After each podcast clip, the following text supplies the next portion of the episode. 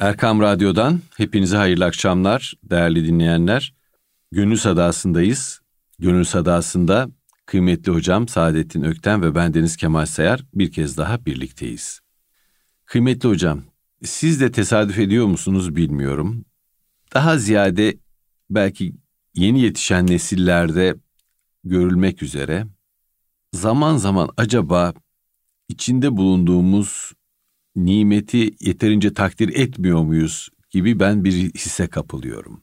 Y- yeni yetişen nesiller biraz fazla tahkir edebiliyor ellerinde olan nimeti. Bunun için tabii şunu da söylemek istemiyorum. Sakın yanlış anlaşılmasın. Yani bolluk içinde yüzüyoruz. Harikulade bir haldeyiz. E, mükemmel bir haldeyiz. Öpüp her şeyi başımıza koyalım demiyorum. Fakat biraz çabuk mu huzursuz oluyoruz? Biraz çabuk mu küfranı nimete düşüyoruz? Sahip olduğumuz nimetlerin öneminin, değerinin farkına varamıyoruz diye de insanın içini zaman zaman bir düşünce, bir tereddüt yokluyor. Şimdi bir yazarın bir sözü geliyor aklıma. Diyor ki hayatı olduğu gibi, insanları olduğu gibi kabul etmek bir yöntemdir diyor. Ve hayatın içinde adaletsizliğin olabileceğini ve bunda bolca olabileceğini kabul etmek bir yöntemdir diyor. Zihnimizde bu bir köşede yer al- almalı diyor. Fakat diğer köşesinde de bu adaletsizlikle, bu yanlışlıkla mücadele etme azmi, gördüğümüz kötülüğü düzeltme azmi, efendim yanlışlığı düzeltme azmi bulunmalıdır. İnsan iki düşünceyi aynı anda zihninde taşıyabilmelidir diyor. Bana manalı geldi çünkü yeri geldiğinde her şeye gücümüz yetmediği için bazı şeylere razı olmak durumunda kalabiliyoruz. Yani karşımızdaki insanı değiştirmeye gücümüz yetmiyor. O halde biz onu olduğu gibi kabul ediyoruz.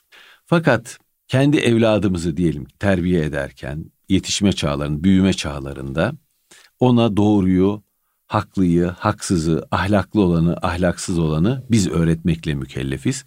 Ona onun ruhuna tesir edebiliriz ve dolayısıyla ona tesir etmeliyiz de. Yani burada da elimizden geleni yapmalıyız. Gücümüz yettiğinde elimizden geleni yapmak, gücümüz yetmediğinde ise bir köşede hadiseleri izlemeyi bilmek ama zihnimizdeki düşüncelerden vazgeçmemek. Evet bu mevzu hakkında siz neler söylersiniz? Şimdi tabii e, şunu da hemen hatırlatalım. Acaba bizim yaşımız belli bir yaşın üzerinde olduğu için mi gençlerle ilgili bazı yanlışlıklar görüyoruz? Hani Sümer yazıtlarında da Çin eski Çin yazmalarında da bu gençlik bozuldu eyvah diye şeyler varmış ya. Evet. Acaba gençlerle ilgili endişeler efendim daha yetişkin çağlardaki insanların bir yersiz telaşı mıdır? Onu da parantez içine alarak buyurun efendim. Sondan başlayalım. Evet e, doğrudur. Şimdi her yaşın bir vizyonu var, bir bakış açısı var, bir anlayışı var. E, şöyle ki adeta hayat bir tarafta akarken bir tarafta da biz akmaktayız. Dolayısıyla manzara, görülen manzara değişiyor. Eğer biz e, bu yaşın hakkını vermezsek zaten yaşlı veya erişkin olmayız veya orta yaşlı olmayız. Tabii ki gençler bir şeyler yapacaklar. Yaptıkları şey gençliğin icabıdır. Ama biz yaşlılarda onları değerlendireceğiz. Hayat böyle bir şey. Yani tek düze e, bir bakışta her şeyin anlaşıldığı bir hayat yok. Biz de diyoruz ki evet e, gençlerin şöyle şöyle yapıyorlar ama siz biraz evvel bahsettiniz. Daha çok gençlerde görüyoruz. İçinde bulunan e, içinde bulunan şartların güzellikleri, imkanlarını fark etmiyorlar. Bunları reddediyorlar. Bu gençliğin bir reel halidir. Ee, ama ne zaman ki kendileri de yavaş yavaş orta yaşa doğru gelirler, onlar da bizim gibi konuşmaya başlayacaklardır. Bundan hiç şüpheniz olmasın. Benim gördüğüm, Eyvallah. bunun gördüğüm budur. Gençler gençliklerini yap, yapıyor, biz de yaşlılığımızı yapacağız. Ee, böyle bir böylece bir denge Tabii. kurulacak. Bu e, küfran nimet meselesi bana göre güncel bir konu. Şöyle ki işte bir şekilde hayatı takip ediyorum, etmeye çalışıyorum. E, Şimdi bu eskiye göre çok kolay. Çünkü görsel, işitsel e, medya devam ediyor, yazılı medya var. Ana kaynaklara bakınca zaten bir fikir ortaya çıkıyor. Gördüğüm şudur, genç insanlarda daha çok ama orta yaşlılarda da var. içinde bulunan şartları o kadar çok egzajere, egzajere edip yani abartıp negatif manada yorumluyorlar ki beni korkutuyorlar. Beni korkutmaklarındaki e, e, sebep şu, İslam bir bir hassasiyetle baktığım zaman e, üzerimizde büyük ilahi bir lütfun olduğunu görmekteyim. Tabii ki güncel sıkıntılar olabilir ve biraz evvel bahsettiğiniz insanlar daima daha iyiye doğru gitmek için bir çaba içinde olacaklar. Buna hiçbir itirazım yok. Aksi halde biz insan olmayız. Daha adil, daha güzel, daha estetik, daha bölüşümcü, daha merhamete bir dünya tabii ki talep ediyoruz. Ama bu talebi yaparken bir, bunu hemen kendi çevremizden başlamalıyız. Önce kendimize karşı daha adil miyiz? Önce en yakınımıza karşı, talebeysek, hocaysak talebemize, talebeysek hocamıza, e, e, ak, ak, dost arkadaşlarımıza, kardeşlerimize daha adil, daha merhametli, daha insancıl, daha fedakar ve verici miyiz? Buradan başlamak lazım. Bunu bir ayrı dipnot olarak saklayalım. Bu burada dursun. Eyvallah. Yani her insan kendi külahını eski tabiriyle önüne koysun ve bir değerlendirsin. Ben kendime karşı daha adil miyim? Yani aklımın, gönlümün ve e, vücudumun hakkını teslim ediyor muyum, veriyor muyum? Buna bir, bir kenara koysun bir defa. Ve sonra e, diğer insanlarla temas ediyorum.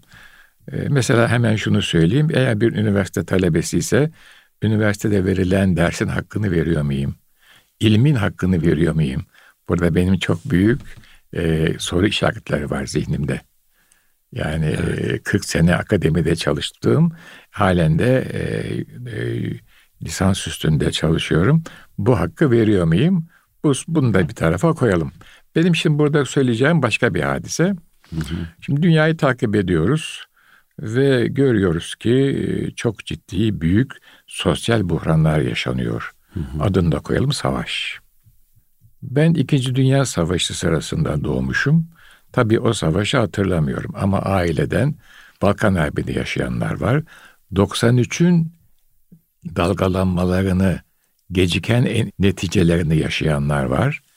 1877-78 o çok büyük bir kırılma. Onun dip dalgalarını yaşayanlar var macir olarak. Balkan Harbi'ni bil fiil yaşayanlar var. İstiklal Savaşı'nı yaşayanlar var. Ve böyle devam ediyor hadise. Bir profesör arkadaş Kerküklü e, bu zat şiir de yazıyor. Şöyle bir mısrağını hatırlıyorum. Diyor ki keşke petrolümüz olmasaydı. Keşke petrolümüz olmasaydı. Hmm. Mavi göğümüz ve sıcak güneşimiz bize kafiydi. Tabii bu Kerkük petrolleri, Musul petrolleri ve devamı hadisesini bildikten sonra ki bu halen devam ediyor. Bu uzun bir hikaye. Abdülhamit'le başlıyor. Keşke petrolümüz olmasaydı. Mavi göğümüz ve sıcak güneşimiz bize kafiydi. Bu büyük resmi gördükten sonra bu mısralar çok daha büyük anlam kazanıyor. Ve bu yani eğer 1800'lerin sonundan hesaba katarsak 150 sene geçmiştir bu sıkıntı oralarda olan bu sıkıntıdan.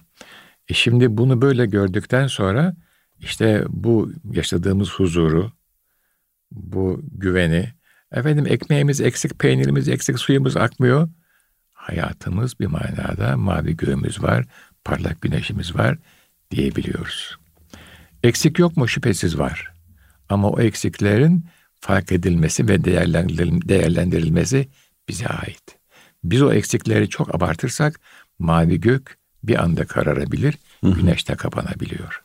Bir başka örnek, kuzeyde iki tane Slav çarpışıyor şu anda. Bir sene oldu.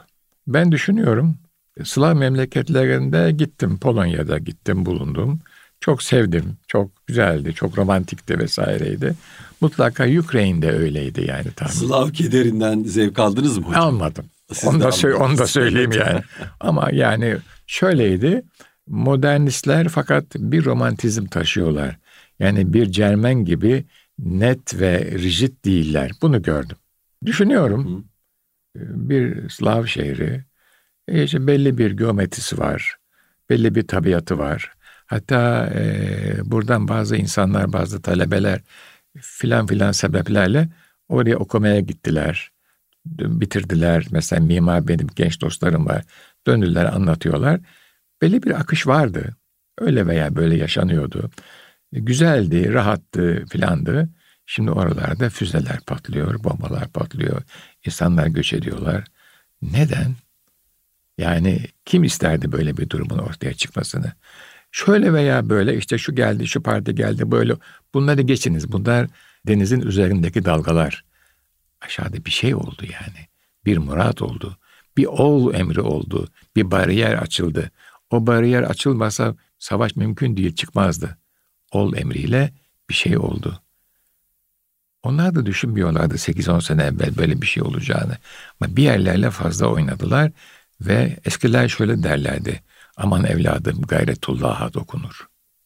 Yani biz biraz hani çizginin dışında şöyle adım atmaya kalkışınca sözde filan diye hani niyeti seziyorlar. Aman evladım yapma, söyleme, gayretullah'a dokunur. Ne olur? Kimse bilmez ne olacağını derlerdi. Şimdi ben e, bu bilgiyi ve bu terbiyeyi, bu biçimi alan bir çocuk olarak o zamanlarda ben hala bir tarafımdan çok ciddi bir çocuğumdur elhamdülillah. Yani onu çok muhafaza etmeye çalışıyorum. E, yapamasam da çok e, iyi, güzel bir şey o. O çocuk safiyeti. Bu gençlerin hatta bu yetişkinlerin orta yaşa adım atmış yani 30'u 40'a yaklaşmış devirmiş insanların bu genel resmi göremeyip işte şu eksik bu yok biz de layık değil miyiz filan filan sözlerini e, çok e, endişeyle takip ediyorum. Tabii ki şikayet hadi o şikayete bir şey hadi sitem. Şeyhülislam Yahya hatırlıyor. Yahya ya, neler çeker bu gönül diyor. Söylesem şikayet olur. Sitem en çok sitemdir. Hadi şikayet ama aman yarabbi gayretullah'a dokunmasın diyor. Niye? Çünkü onlarla beraber bütün insanlık yanıyor. Bütün güzellikler e, yanıyor. Ve ne zaman biteceği de belli olmuyor yani hadisenin. Dolayısıyla e, benim endişem bu. Bu büyük huzur, bu büyük nimet, bu büyük varoluş. İnsanlar zannediyorlar ki filan zat geldi de bu oldu. İşte filan parti geldi de bu oldu. O bir şeydir yani, o bir vesiledir. O size verilen bir imkandır. Onu doğru kullanmak lazım. Aynı hayatın size verildiği gibi. Dolayısıyla küfranı nimet içinde bulunulan duruma razı olmak ve o durumun şükrünü eda etmek tabii ki ıslah için çalışmak o ayrı bir hadise.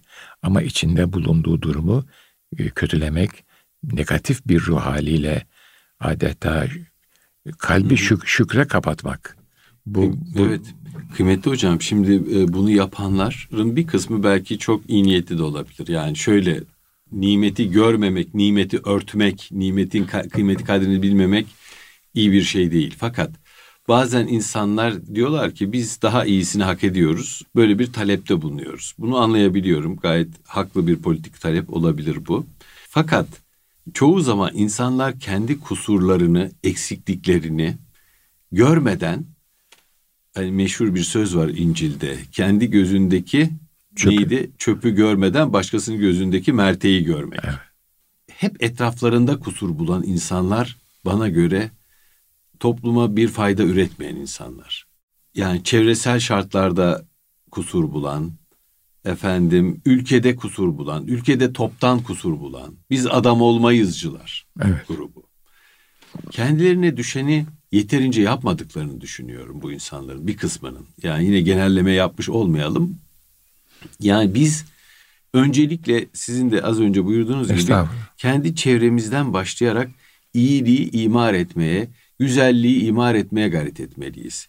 Biz üzerimize düşeni yapmalıyız. Sızlanma ondan sonra başlamalı.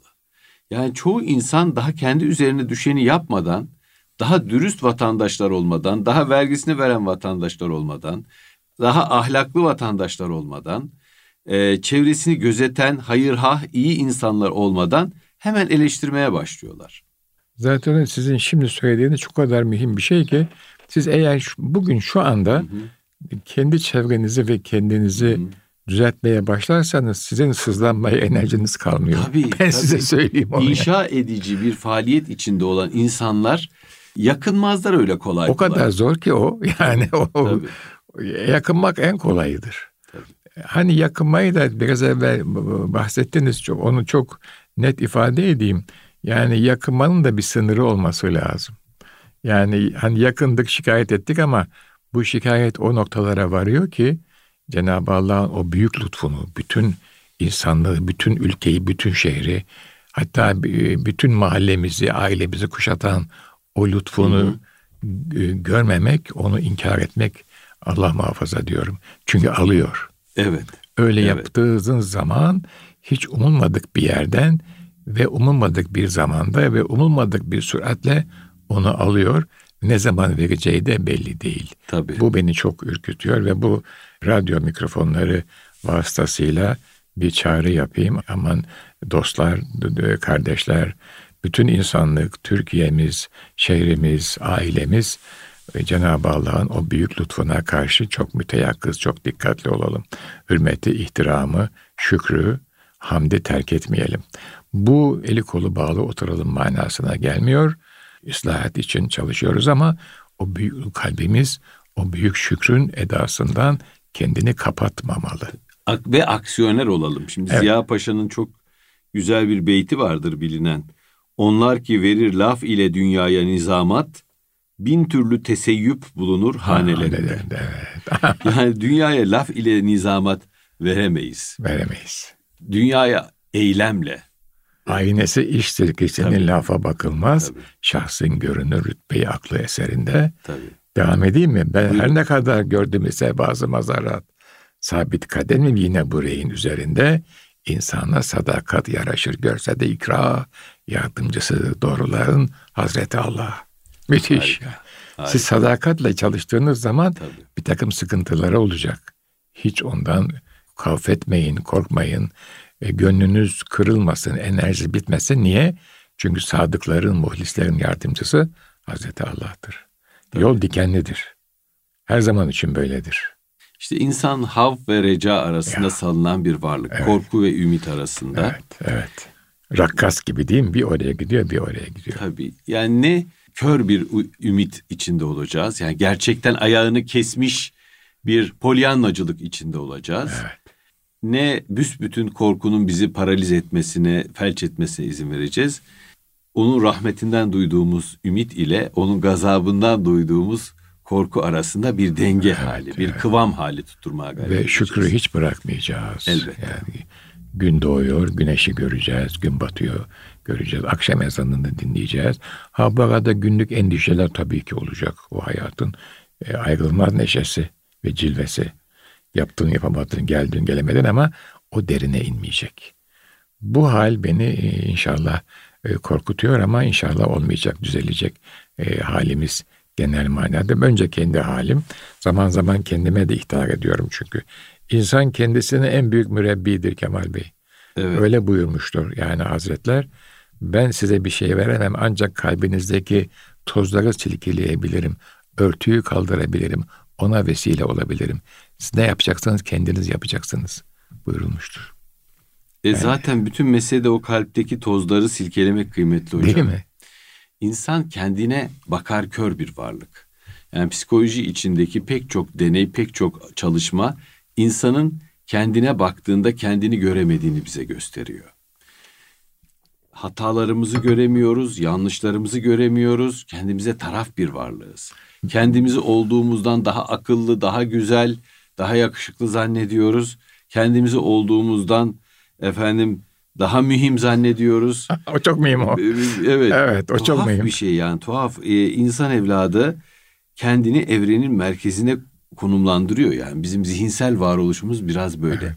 İşte büyükler, e, çelebiler, efendim efendiler, gönül ehli bu tuzakları alt edebilen adamlar. Eyvallah. Sıradan insana, her insana musallat olan bu tuzakların etrafından dolaşan, onların üzerinden atlayan ve kendilerine bakınca kendi uçurumlarını görebilen insanlar. Evet. Bütün mesele de bu zaten. Kemalat yolculuğu insanın e, bence budur. Yani insanın kendi kendisinin mürebbi haline gelmesidir. Ancak gerçek bir mürebbi insanda onun mahrum olduğu şeyi gösteren mürebbidir. Yani bir mürebbi size ayna tutar. Ve siz o aynada kendi eksiklerinizi görürsünüz. Ama mürebbi bunu yaparken bunu gözünüze sokarak yapmaz. Haliyle, endamıyla, duruşuyla, yumuşacık latifesiyle yumuşacık yapar. evet, evet. evet. Ve siz birden hissedersiniz, taaccüp edersiniz. Aa, bende bu da varmış dersiniz. Ya. Tam bir kendini bulma yolculuğudur bu. O yüzden Cenab-ı Hak bizi gerçek mürebbilerle karşılaştırsın ve sizin de buyurduğunuz gibi az önce e, kendi kendimizin de mürebbiyi eylesin. Yine merhum pederden bir beyit geldi. İnsan ne garip caneverdir. Can canavar, can aver, almak malum can alan. İnsan ne garip caneverdir. Akil görünür, cünuna serdir. Ya. Akıllı görünür ama şehrin delilerin en üstündedir. Tabii. İnsan ne garip caneverdir.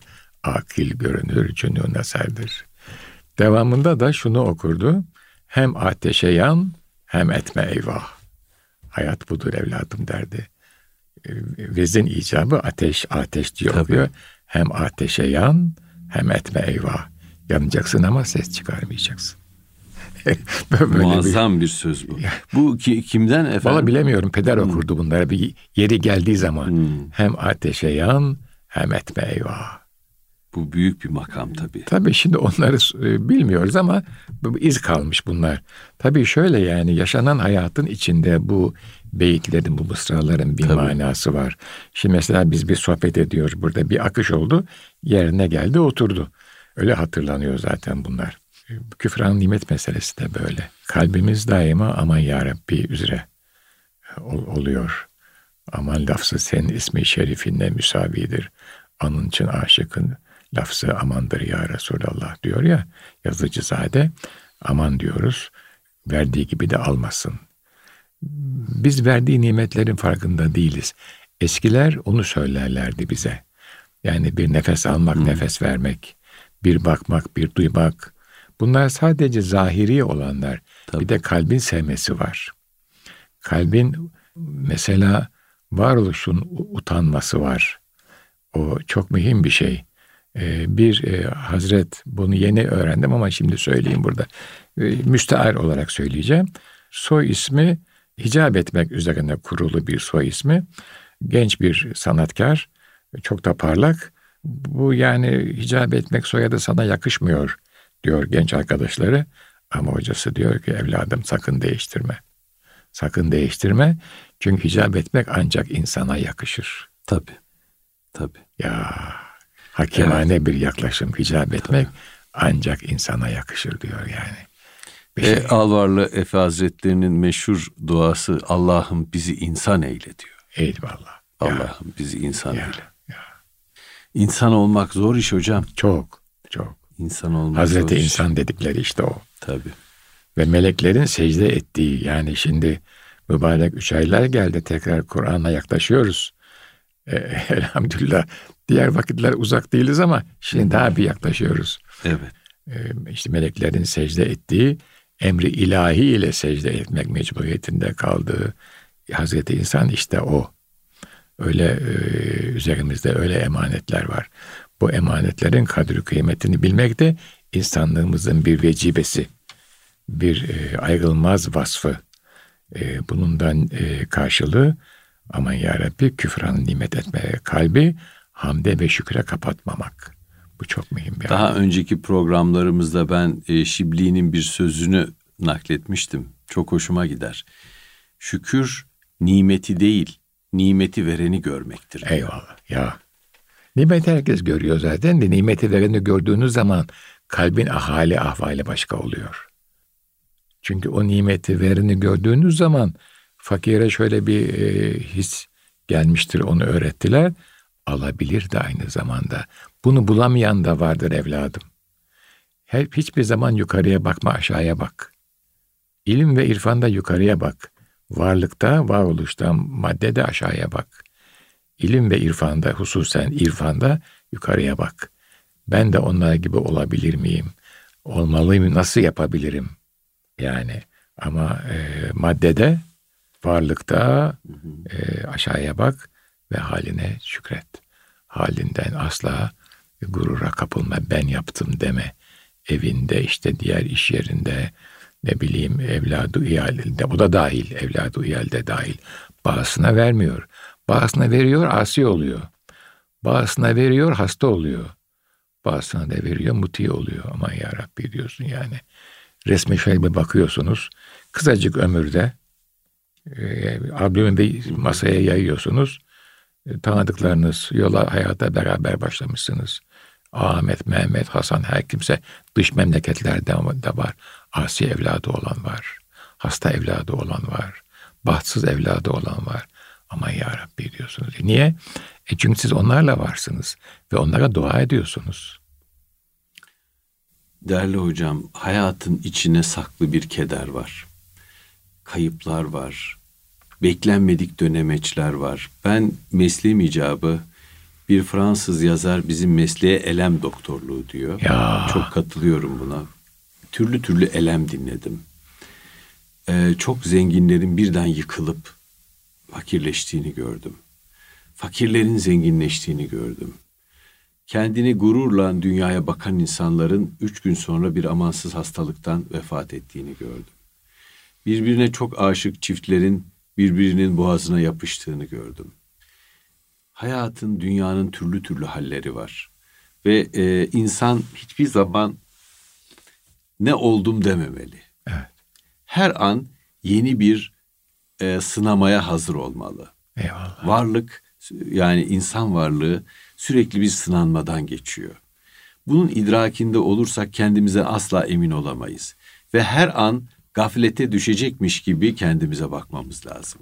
Hiçbir zaman kendi bulunduğumuz çizgiden de durumdan da emin olmamamız lazım. İşte küfran nimet de öyle bir şey. Değil mi? yani sahip olduklarımızı kaybetmeyeceğimize dair elimizde tapu belgesi yok. Hiçbir delil, hiçbir garanti yok. Evet, evet. Hiçbir senet yok. Tabii. Anında da alabilir ve nasıl aldığını biz hiç bilmeyiz. Bir anda yok olur. Dünyanın en zengin adamlarından birisi olan Steve Jobs 50 küsur yaşında pankreas kanserinden vefat etti. Bütün her şeyi seferber edebilecek bir maddi kudreti vardı ama bu rahatsızlıktan iyileşebilen görülmedi şu ana kadar. Ya. Yani bu şu demek değil. Lütfen yanlış anlamasın bizi dinleyicilerimiz. Yani her şeyi bırakalım, her şeye razı olalım. Gördüğümüz kötülüklere de eyvallah edelim demek Yok değil. yok o, o Müslümanca bir yaklaşım olmaz Tabii, zaten. Tabii. Sadece sahip olduklarımıza kıymet vermeyi bilelim. Evet ve sahibini bilelim. O Ve sahibini bilelim. Şibli'yi bir daha söyleyelim lütfen. O çok mühim o. Şükür nimeti değil, nimeti vereni görmektir. İşte o kadar. Evet. Yani bir lütuf üzere, bir inayet üzere, bir cömertlik üzere bu dünyada bulunduğumuzu unutmayalım. Cenab-ı Hakk'ın keremiyle buradayız. Eyvallah. Yunus bir şiirinde diyor ki kıymetli hocam. Yunus sen bu hallerin git çalabına arz eyle. O çok keremdir senin ettiğini o etmez. Doğru. Evet. o öyle cömerttir ki öyle bağışlayıcıdır ki senin kendi nefsini ettiğini o sana etmez. Etmez. Eyvallah doğru. Aynen öyle. Hani biraz evvel söylemeye çalıştık ya insan kendine karşı adil olmalı. Kendine karşı hizmet Hmm. etmeli. Kendine karşı nimetlerin farkında olmalı. Oradan başlıyor. Tabii. E, Biz ne ettiysek kendimize ediyoruz esasında. Tabii. Biz kendine şefkat diyoruz, öz şefkat diyoruz Onda psikolojide. bir şey karşılığı var Evet, değil mi tabii, ilimde? tabii. Ya. Siz kendine adil olma diye ifade ettiniz. Bu özellikle psikolojide son 10-15 senede çok tartışılan bir kavram. Benim son kitabım e, Kendi Özünü Bil'de buna bir 30-40 sayfa ayırdık. Kendi nefsine karşı kıyıcı olmamak. Ya. Yani Cenab-ı Hak bize karşı müşfik, şefkatli. Biz ne yapıyoruz da yani kendimize tanrılık mı taslıyoruz? Yani kendine aşırı kıyıcı olmak da bir tür tanrılık, rablik Tabii, taslamaktır. Cenab-ı Hak bu kadar affedici ama biz kendimizi affedemiyoruz mesela. Evet. E, Mesela bu da bana şu anda öyle bir açılım oldu. Ee, bizim bütün ilmimiz buna çağdaş psikolojide dahil. Yani Frank kelimesini kullanayım izin verirseniz. Franklin'in, Franklerin ürettiği ilimde dahil alim isminden geliyor. hangi kuluna ne bilgi verecek onu biz bilmeyiz. Dolayısıyla hani e, ilim Müslümanın yitik malıdır. Çin'de de olsa almalıdır hadis-i şerifi mucibince. Biz gider her yerden ilim alırız. Çünkü ilim alim ismin dedikodu değil, safsata değil. Pür ilim alim isminin bir yansımasıdır. Kendine müş, müşfik ol. Niye? Yunus'ta, Yunus'ta da söylemiş ama modern psikolojide söylüyor. Diyor ki kendine karşı müşfik ol. Cenab-ı Allah sana karşı ne kadar müşfik. Biz yani kendimize karşı zalim olmak bize yakışmaz. Ha bu değil bu demek değildir ki kendimize karşı her türlü kaydı kaldıralım ama şefkatle yaklaşalım kendimize karşı ölçüler dahilinde. Ee, ve küfranı nimette bunun bir negatif e, karşılığı lütfen ve keremen ve inayete Allah'ın bize verdiklerini kıymetini bilelim. O şükrü eda edelim. Bu arada ıslah edici e, fonksiyonumuzu da şüphesiz yerine getirelim. Ama bir sınırı var. Tabii kendimizden başlayarak. Kendimizden kendi başlayarak. başlayarak. Evet kendimizden başlayarak. Şimdi geçtiğimiz günlerde bir genç kardeşimiz arada bir böyle bana danışır sohbet ederiz. Dedi ki hocam çok yakın bir arkadaşım vardı. Bu da varlıklı bir ailenin evladı bu arkadaşımız da. Hayır işlerinde de hep e, öncü olmaya çalışan insanlar. E, fakat yine de bir çok e, onların Müslümanlığını beğenmeyen bir arkadaşları varmış. İşte hep bu manevi narsizm bahsine, bahsine geliyoruz. Gelirdi giderdi diyor hocam diyor. Bize siz işte cimri zekatı veriyorsunuz. Kırkta biri olmaz. İşte kırkta onunu vermeniz lazım. Şudur budur. Başka hayır işleri de olmasına rağmen zekat dışında. Hiç beğenmez diyor bizim. Dindarlığımızı da beğenmez diyor. Bizi de beğenmez Eyvallah. Pekala. Gel zaman git zaman bu arkadaşa kayınpederinden bir miras intikal ediyor. Eyvah. Şimdi diyor geliyor gidiyor yanımıza diyor. Bu mirası nasıl e, başkasına kaptırmadan ya. en yüksek düzeyde e, istimal edebilirim? Bunun şeylerini soruyor bize diyor. Değişti diyor. O adam tabii, değişti tabii. diyor. Bize sürekli dinden, imandan bahseden, e, adaletten bahseden adam gitti yerine muhteris bir adam geldi diyor. Çünkü imtihan sorusu geldi. Şimdi Tabii, ne imtihan yapacak? sorusu geldi. Ne yapacağını bilemiyor çocuk. Ben de ona meşhur bir sözü tekrar ettim. Dedim ki hiç kimse sınanmadığı günahın masumu değildir. Eyvallah. Yani bir imtihan sorusu bizim karşımıza çıkana kadar belki en yiğidi bizizdir. Ama o imtihan sorusuyla beraber acaba ne değişiyor bizde? Bütün mesele odur. Güç konusunda da bazı insanlar gücü, iktidarı mutlak yozlaşmanın temsilcisi olarak görürler. Hayır aslında. Güç insanda ne varsa onu çoğaltıyor hocam. Güç insanda zalimlik istidadı varsa zalimliği çoğaltıyor.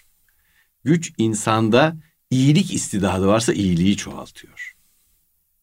Yani bizde özümüzde olan şeyi daha aşikar ediyor, daha görünür hale getiriyor, daha kolay sahneye çıkmasını sağlıyor. Bende Mecnun'dan Füzun aşıklık istidadı var. Aşık sadık benim. Mecnun'un ancak adı var diyor Fuzuli.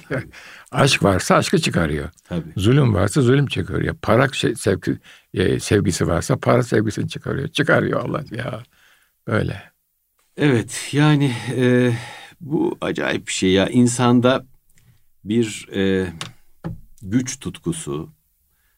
Yani para da gücün bir enstrümanı olduğu tabii. için seviliyor tabii. tabii. E, iktidar tutkusu, hükmetme tutkusu, efendim başka insanlardan kendini ayrı bir yere koyma tutkusu.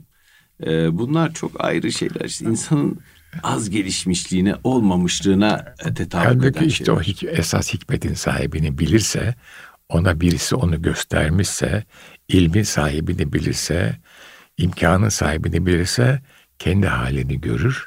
Aman der yani. Onu bilmediği zaman işte biz de kendi çapımızda varız ve o varlık büyüyor. Şeytan onu büyütüyor. Tabii. Onun için yani iltica etmekten başka çaremiz yok. Bunun da e, hayatın bir realitesi öylesi de var, böylesi de var hayatımızda azizim. Eyvallah efendim. Gönlünüze bereket kıymetli hocam. Yine e, benim için şahsen çok istifadeli bir sohbet oldu. İnşallah dinleyicilerimiz siz, için de öyle siz olur. Siz beni ruhumu açıyorsunuz azizim. Estağfurullah. Yani öyle olabilirsem kendimi mutlu hissediyorum. Öyle oluyor. Ev, öyle eyvallah oluyor, efendim. Öyle Sağ olun. Hafifliyorum. Huzurunuzda hafifliyorum. kıymetli hocam. Sağ olun. Evet, Erkam Radyo'nun ve Gönül Sadası'nın değerli dinleyenleri, hepinize hayırlı bir akşam diliyoruz efendim. Önümüzdeki hafta görüşmek üzere.